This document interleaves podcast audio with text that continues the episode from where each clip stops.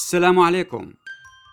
السلام على الصامدين اللي عم بيدافعوا عن أهلهم وأرضهم وناسهم وهن بهالأمر هذا عم بيدافعوا عن سوريا كلها. السلام على اللي عم بيقابلوا ويفاوضوا لجان النظام. السلام على اللي عم بيقابلوا ويحشدوا الرأي العام الدولي بلقاءات مع البرلمانات مع الإدارات مع الحكومات. السلام للي عم بينشر بوسائل الإعلام العربية والدولية واللي عم بيعمل حملات تويتر للتضامن مع أهلنا وناسنا بمحافظة درعا. السلام اللي عم بيوقف بعدة عواصم ويعمل اعتصامات بعديد من الأماكن في العالم. السلام على اللي متضامن بقلبه ضمن مناطق النظام. السلام عليكم جميعا. أنا أيمن عبد النور عم بحكي معكم من لوس أنجلوس بالرسالة رقم 54 بشكركم كثير حقيقة على المتابعة على الأعداد اللي زادت آه، بشكل واضح الرسالة السابقة. واللي بتمنى أيضا ما ننسى دائما وبضل بذكركم إنه ما تخلي الرسالة اللي عم توصلك توقف عندك. تبعتها لآخرين سواء من أصدقائك سواء للغرف المختلفة اللي أنت مشترك فيها سواء لوسائل التواصل الاجتماعي سواء للرماديين. سواء حتى لداخل مناطق النظام مين ما كانوا يكونوا حتى من الموالين في موضوع يعني الأساس هو موضوع أهلنا وناسنا المحاصرين في آه، درعا فهو الأساس. خلينا نشرح حقيقة أجانا كثير أنه يعني عن, عن شو عم تحكوا؟ محافظة درعا كاملة عن شق فيها. آه، كيف عم بتقولوا أنه في خمسين ألف هن عرضوا أنه هن كلهم متضامنين مع بعض جيبوا لنا باصات لنهاجر؟ ليش وين قاعدين هن دول الخمسين ألف؟ رح أعطي بس لمحة سريعة مباشرة. هلا في طريق الدولي تبع دمشق درعا اللي بيوصل للحدود مع الأردن. هذا في بيقسم مدينة درعا كمركز لمحافظة درعا قسمين. قسم هو المركز الرسمي اللي فيه مبنى المحافظة. هذا دائما كان تحت سيطرة النظام وهو هذا اسمه يعني المحطة نسبة للخط الحديد الحجازي. والثاني هو درعا البلد. درعا البلد فيها طريق السد وفيها المخيم بالنسبة لمخيم فلسطينيين والنازحين. هذا القسم اللي بيفصل بينه عن درعا المحطة اللي هو وادي متفرع من نهر اليرموك. هذا بيخضع لترتيبات الضامن الروسي اللي أقرت عام 2018 في عنا شرق وغرب طريق درعا. الشرق هو المنطقة الشرقية ما فيها غير اللواء الثامن اللي هي قوات أحمد العودة وهي خاضعة أيضا لترتيبات 2018 الغربية اللي هي غرب طريق دمشق درعا هي منطقة خاضعة لاتفاق 1974 فك الاشتباك مع إسرائيل. وهي خاضعة الآن للتسوية تبع كمان الضامن الروسي تبع 2018 إذا ما في فصائل بدرعا في لجان محلية مدنية بالبلد وفي لجنة مركزية مدنية بالغربية وفي اللواء الثامن بالمنطقة الشرقية. هاي هي الخلاصة. الخمسين ألف اللي عم نحكي عنهم هن عبارة عن 11 ألف أسرة محاصرة بدرعا البلد. هذا هي خلاصة الأمر. المطالب حقيقة عم أخذوا عطا رح نعطي بعض الروائز فقط يعني عم تختلف في كل مرة في الجلسة اللي هن اللي عم بيطالبوا العودة لترتيبات 2018 أه، توقيف الهجوم الإفراج عن المعتقلين عدم دخول الأمن لدرع البلد تسوية أوضاع المطلوبين إخراج الميليشيات الطائفية وهكذا. هلأ عم عم تلاحظوا عم تتكرر قضية ترتيبات 2018 والضامن الروسي شو هي هي؟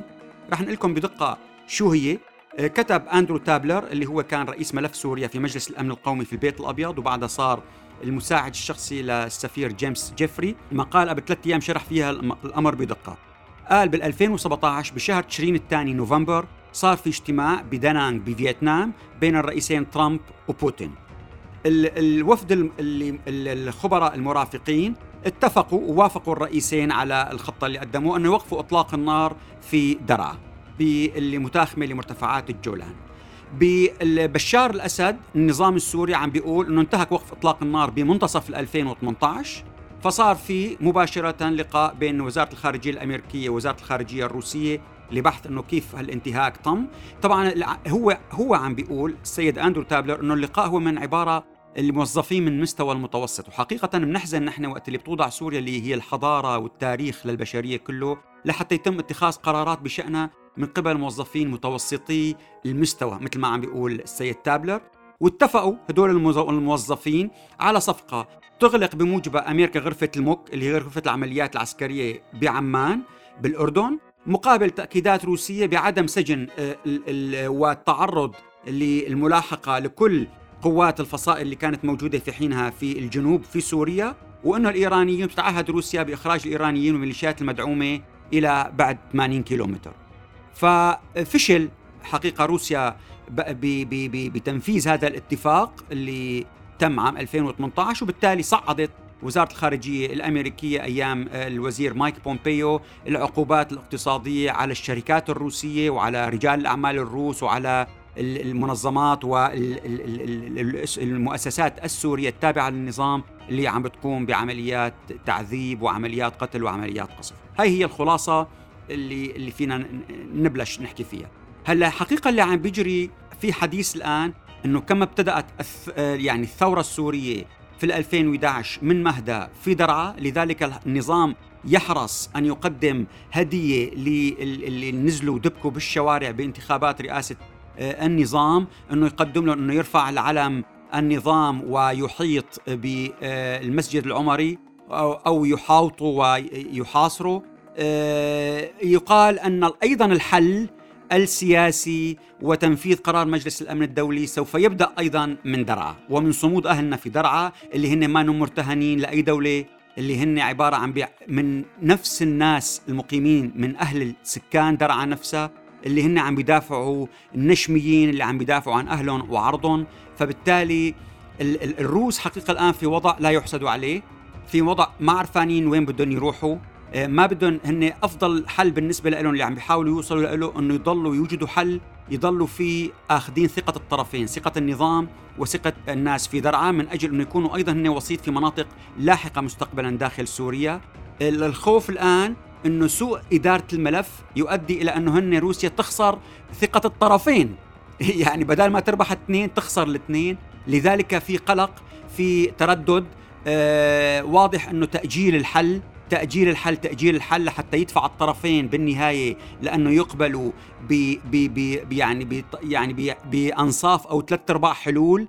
وبالتالي آه ما هن يتحملوا تبعات أي شيء ينحط سلبا أو يأثر على علاقتهم بين الأطراف المختلفة. آه هذا اللي اللي واضح إنه عم بيسعوا له لذلك شفنا السيد رامي الشاعر اللي هو المستشار في وزارة الدفاع الروسية وأيضا مستشار في وزارة الخارجية الروسية حكى حكي كبير مباشرة وقال إنه بالرغم بحب طمن الجميع إنه بالرغم من الاحتكاك العسكري وتسبب وقوع بعض الضحايا من الطرفين لكن الوضع الآن تحت السيطرة بالكامل ولن تدور أي عمليات قتالية في درعا بعد اليوم. قال أن القيادة في دمشق قد أصبحت تدرك ذلك ولم يعد لديها خيار سوى اللجوء إلى الوسطاء. قال إنه من المستحيل يتمكن السلطة المركزية بدمشق فرض سيادتها على غالبية الأراضي السورية دون التوصل لاتفاق شامل بين السوريين على أساس قرار مجلس الأمن رقم 2254 قال إضاف إن سلطات دمشق اليوم فاقدة لإمكانية فرض سلطتها ليس فقط في شمال شرق وغرب وجنوب سوريا ولكن أيضا في غالبية مناطق الساحل السوري وحتى في العديد من أحياء دمشق. وتقتصر تلك السلطات على مكاتب الأجهزة الأمنية وداخل الثكنات العسكرية مع وجود تذمر واضح حتى بين العسكريين وذلك دليل على أن غالبية الشعب السوري يرغب بالتغيير ويتطلع بأمل كبير أن تبدأ عملية انتقال السياسي السلمي بغرض إنشاء نظام جديد يشمل الجميع بشكل عادل ويجسد الإرادة الشعبية لكافة أطياف الشعب السوري بتنوعه العرقي والديني والطائفي. كلام كبير جدا جدا يصدر عن شخص في هذا الموقع الاستشاري الهام. فاذا هذا الشيء أيضا لقى صدى وهو استمد أيضا قوته مما يجري حقيقة من في صفحات آه، أهلنا بالطائفة العلوية يعني ياسر إبراهيم ب 29 حزيران ما زال موجود على صفحته حتى الآن. أنا توقعت أنه يعني يحذفها أو يصير في ضغط عليه. كتب أنه نحن كطائفة علوية لإمتى بدنا نضل نبعث أولادنا على الحرب وعلى الجبهات ليرجعوا لنا بصناديق خشبية ويضحكوا علينا بوسام؟ نحن كرمال مين عم نحارب؟ وكرمال مين عم نخسر زهرة شبابنا شهداء وقديسين غير الجرحى والمعاقين؟ كفانا موت. كفانا نتشح بالأسود من اللباس كفانا أمهات ثكالى وصبايا أرامل. هي ما حربنا هي حروب الآخرين على أرضنا. أيضا من صفحات من الساحل السوري من صفحات يعني إلى أهلنا من الطائفة العلوية عم بيقول إنه كان في ذكاء من أهالي درعا إنه كان النظام عم بيتوقع إنه يقوموا بقتل وتمثيل جثث العساكر اللي باع النظام وخلاهم يسقطوا وياخذوهم عبارة عن أسرى. بالحواجز والقطاعات العسكرية لحتى يتم قتلهم كانوا متوقعين إنه يقتلوهم يمثلوا بجثثهم وبالتالي كان ممكن يستفيد النظام بالتالي بيشغل أهاليهم وبالساحل بالدماء بالجنازات ببطلوا يحكوا عن الوضع الاقتصادي ببطلوا يحكوا عن الفساد ببطلوا يحكوا عن نهب المسؤولين ونهب عائلة الأسد. أيضا بصيروا آه، بينتهز النظام الفرصة أمام الرأي العام العالمي إنه هدول إرهابيين وبصير بيقصف بالأسلحة الثقيلة وبصير يعني بيؤدي إلى هجوم أكبر وتدمير أكبر بيؤدي أيضا إلى تأجيج النعرات الطائفية بين مكونات الشعب السوري. إنه شوفوا كيف أهل الدرعا السنة عم بيقتلوا هدول العلويين وهالقصة هي وبيستغلها النظام ويكبرها. أفشلوها أهلنا الأذكياء في طريقة معالجتهم الذكية لما جرى وأطلقوا سراح هؤلاء اللي اعتقلوهم. فاذا يعني هن عم بيقول إنه في ذكاء شديد أيضا المحامي عيسى إبراهيم حفيد الشيخ صالح العلي حقيقة الشخصية الوطنية الكبيرة. أيضا كمان اتهم بأنه هو بالكتابات اللي عم عم عم بيكتبها وعم ينتقد فيها نظام الفساد نظام عائلة الأسد في سوريا. عم بيقول إنه أنتم عم بتصروا عم بيقول لهم أحد الأشخاص إنه أنت عم بتصر ان أنه آه، بشار الأسد لا شعبية له ولا لقرارات حكومته. بس أنت هيك عم تتجنى يا أستاذ المحامي عيسى إبراهيم عليه وإنه في ناس لسه معه. فهو بيجاوب بمقال طويل جدا رح أخذ فقط نقاط سريعة منه. عم بيقول فشل فشل الإدارة للأسد الأب والابن في بلورة إدارة سوريا في في إدارة سورية رشيدة للدولة. إذا هي واستثمروا هن في تناقضات المجتمع بدل من أن يفعل ويعتمد على المشترك بين الناس والمكونات في سوريا. أيضا عم بيقول ما في عنا نظام تعليمي أو تربية أو أحزاب أو حياة سياسية حقيقية لحتى تقدر تهدي الناس. عدم قيام بأي إصلاح حتى لو كان وهمي من خمسين عام وخاصة بعد العام 2011 وبيعطي مثل لهدول الناس. بيقول لهم تصوروا أنتم أنا ماني عم بحكم هي اولا بيقول الأستاذ محامي عيسى إنه أنا ما عم بحكم من خلال حكايه وقصص وموضوع محبة أو كراهية لعائلة أو نظام. أنا عم بحكي من خلال قانون السياسي وهو أن الصلاحية توجب المسؤولية. راح أعطيكم مثل. لو افترضنا سوريا مزرعة فيها مجنة سيصان وورث ملكيتها عن أبيه رئيس النظام السوري. هل هل فيها 25 مليون صوص مليون ونص منهم آه توفى. تلتينهم هرب وبخارج المجني والباقي ما عنده أكل وما عنده أي خدمات. لو كنت أنت يا شخص اللي عم تنتقدني أنت أبوه ومين ما كان أمه. شو بت... هل بت... بتأمنوا إنه يكون هذا الشخص يبقى مدير للمجني ولا بتجيبوا مدير آخر للمجني؟ هذا السؤال واضح. وحقيقة كان في أيضا مقال كمان مهم. عم بيقول آن الأوان ينشال الطربوش. عم بيقول إنه الرائد محمد ناصيف آه، آه، اللي كان معروف كلنا أو بوائل محمد ناصيف كان يوميتها رائد يعني عم بيحكي معناتها هو بفترة بتصور السبعينات لكان 1970 أو كذا اللي هو استأجر فنان لحتى يرسم طربوش على رأس والد حافظ الأسد لحتى يعطيه قيمة إنه هو له قيمة اجتماعية ومن الناس اللي كانوا يلبسوا طربوش وإلهم وجاهة. بينما هي الحقيقة الصورة هي هي كانت عار الرأس ولا يوجد على رأسه طربوش وهو اللي استأجر فنان ورسمه. حقيقة وآن الأوان ينشال الطربوش المزيف وينمحى فكلام كبير جدا حقيقة لأبناء وأهل. الطائفة العلوية في الساحل. بنتابع أيضا اليوم بهالرسالة وزارة الخزانة الأمريكية حقيقة فرضت عقوبات على 8 أفراد أشخاص وعشر مؤسسات في سوريا. طبعا ما تضمنت أي شخصية سياسية أو وزارية أو رجل أعمال سوري من التابعين للنظام لا. لكن في ذكاء باختيار بعض تلك الأسماء بدقة. هذا الشيء واضح من خلال وقت اللي جابت هي قالت أنه في فرضت عقوبات على ضمن فروع ثمان أفرع تابعة للمخابرات السورية. هي فيها سجون قتل فيها تحت التعذيب أشخاص كلهم موثقة صورهم في آه، صور آه، الرائع قيصر اللي أدى إلى إصدار قانون قيصر في الولايات المتحدة ضد العاملين مع النظام السوري، وبالتالي اذا هو تذكير في قانون قيصر، هذا ذكاء شديد.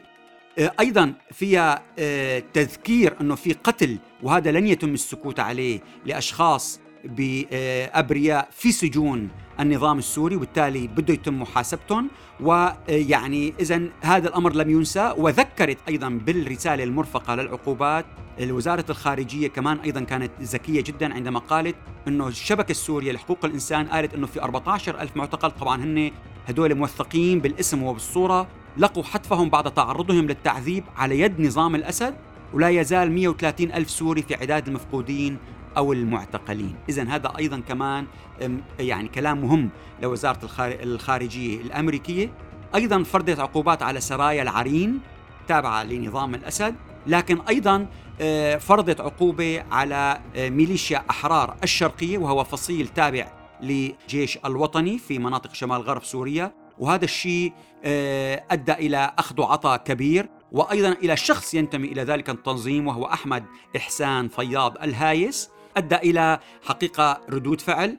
قاموا هذوليك اللي من اللي ينتموا إلى نفس التيار الفصيل الأحرار الشرقية قالوا إنه نحن هذا الأمر يؤدي إلى شيطنة الجيش الوطني بالشمال في سوريا وهذول الناس عم بيتهموا الجيش الوطني بالارتزاق والإرهاب وبالعمالة وبالتبعية وهم هن منه براء. وأنه كيف عم بيطالبوه إنه يجي الآن يعني يدافع ويعمل نصرة لأهلنا في درعا وهن عم بيتهموه بكل هذه الصفات السيئة. وعم بيقول لهم كفاكم تجريح كفاكم تمزيق بجسد ثورتنا ألا يكفيكم من يدعون الدفاع عن حقوق الإنسان وهم من عملوا على شيطنة أحرار الشرقية؟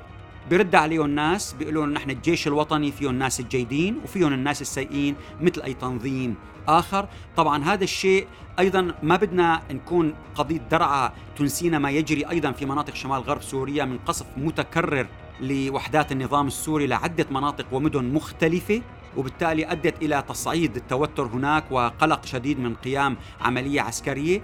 أدت مباشرة المبعوث الخاص الروسي ألكسندر لافرنتيف راح إلى تركيا والتقى مع المتحدث باسم الرئاسة التركية إبراهيم كالن وعملوا بيان مشترك اليوم يعني بثلاثة آب اليوم اللي أنا عم سجل عملوا إنه بيان كمان مهم إنه نحن سوف يتم الحفاظ على اتفاقية وقف إطلاق النار في محافظة أدلب شمال سوريا والجانبين التركي والروسي اتفقا على عدم السماح لاي هجمات استفزازية. طبعا هذا يعني عم يحكوا عن النظام السوري من شأنها إلحاق الضرر بحالة الاستقرار الناجمة عن اتفاق وقف إطلاق النار بإدلب. وجرى التأكيد على ضرورة تفعيل العملية السياسية بشكل أكثر فاعلية وتسريع عمل اللجنة الدستورية من أجل إحلال السلام والاستقرار. إذا شيء واضح القضية. الجالية السورية حقيقة اجت يعني اجى كثير كثير شكر للجهد الكبير اللي عم تقوم فيه منظماتها وخاصة الضجة الكبيرة اللي عملتها لقاء مع رئيس لجنة العلاقات الخارجية في مجلس الشيوخ السيناتور بوب مينينديز اللي هو طبعا يعني لنقدر نعرف مين هو هو الشخص اللي بيصادق على كل ترشيحات الرئيس. يعني الرئيس بايدن وقت اللي بده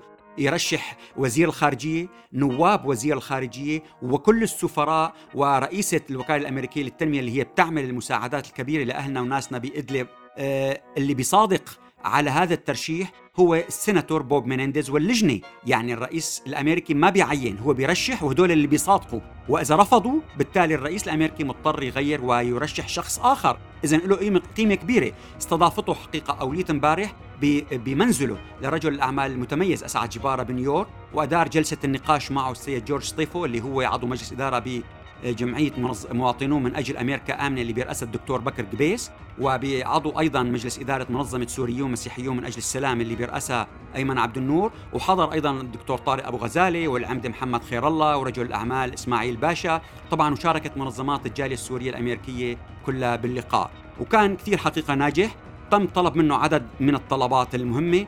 تم تزويده بوثيقة الخطوات الخمس للحل بسوريا وأيضا تم آه، منه دعم أهلنا بدرعا وفعلا ثاني يوم عمل تغريدة وعمل بيان جدا مهم حقيقة دعا فيه الوزير الخارجية والسفيرة الأمريكية في الأمم المتحدة أنه يطرحوا قوة بقوة مشروع قرار حول درعا في مجلس الأمن في الجلسة التشاورية الخاصة بسوريا اللي رح تكون هذا الشهر. شهر آب أغسطس وبالتالي هذا أعطانا قوة شديدة. طبعا الجالية السورية آخر شهر ونص التقت صار بست أعضاء بمجلس النواب وثلاث سيناتورات.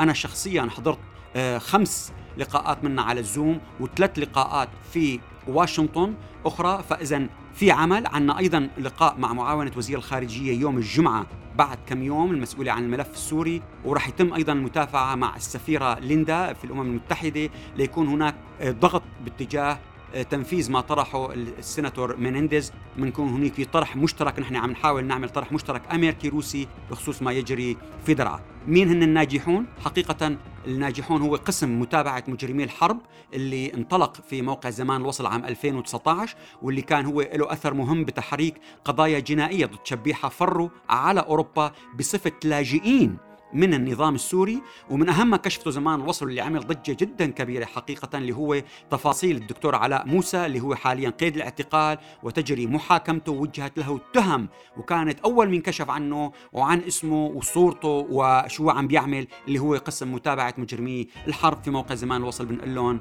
يعطيكم العافية وشكرا لكم جميعا.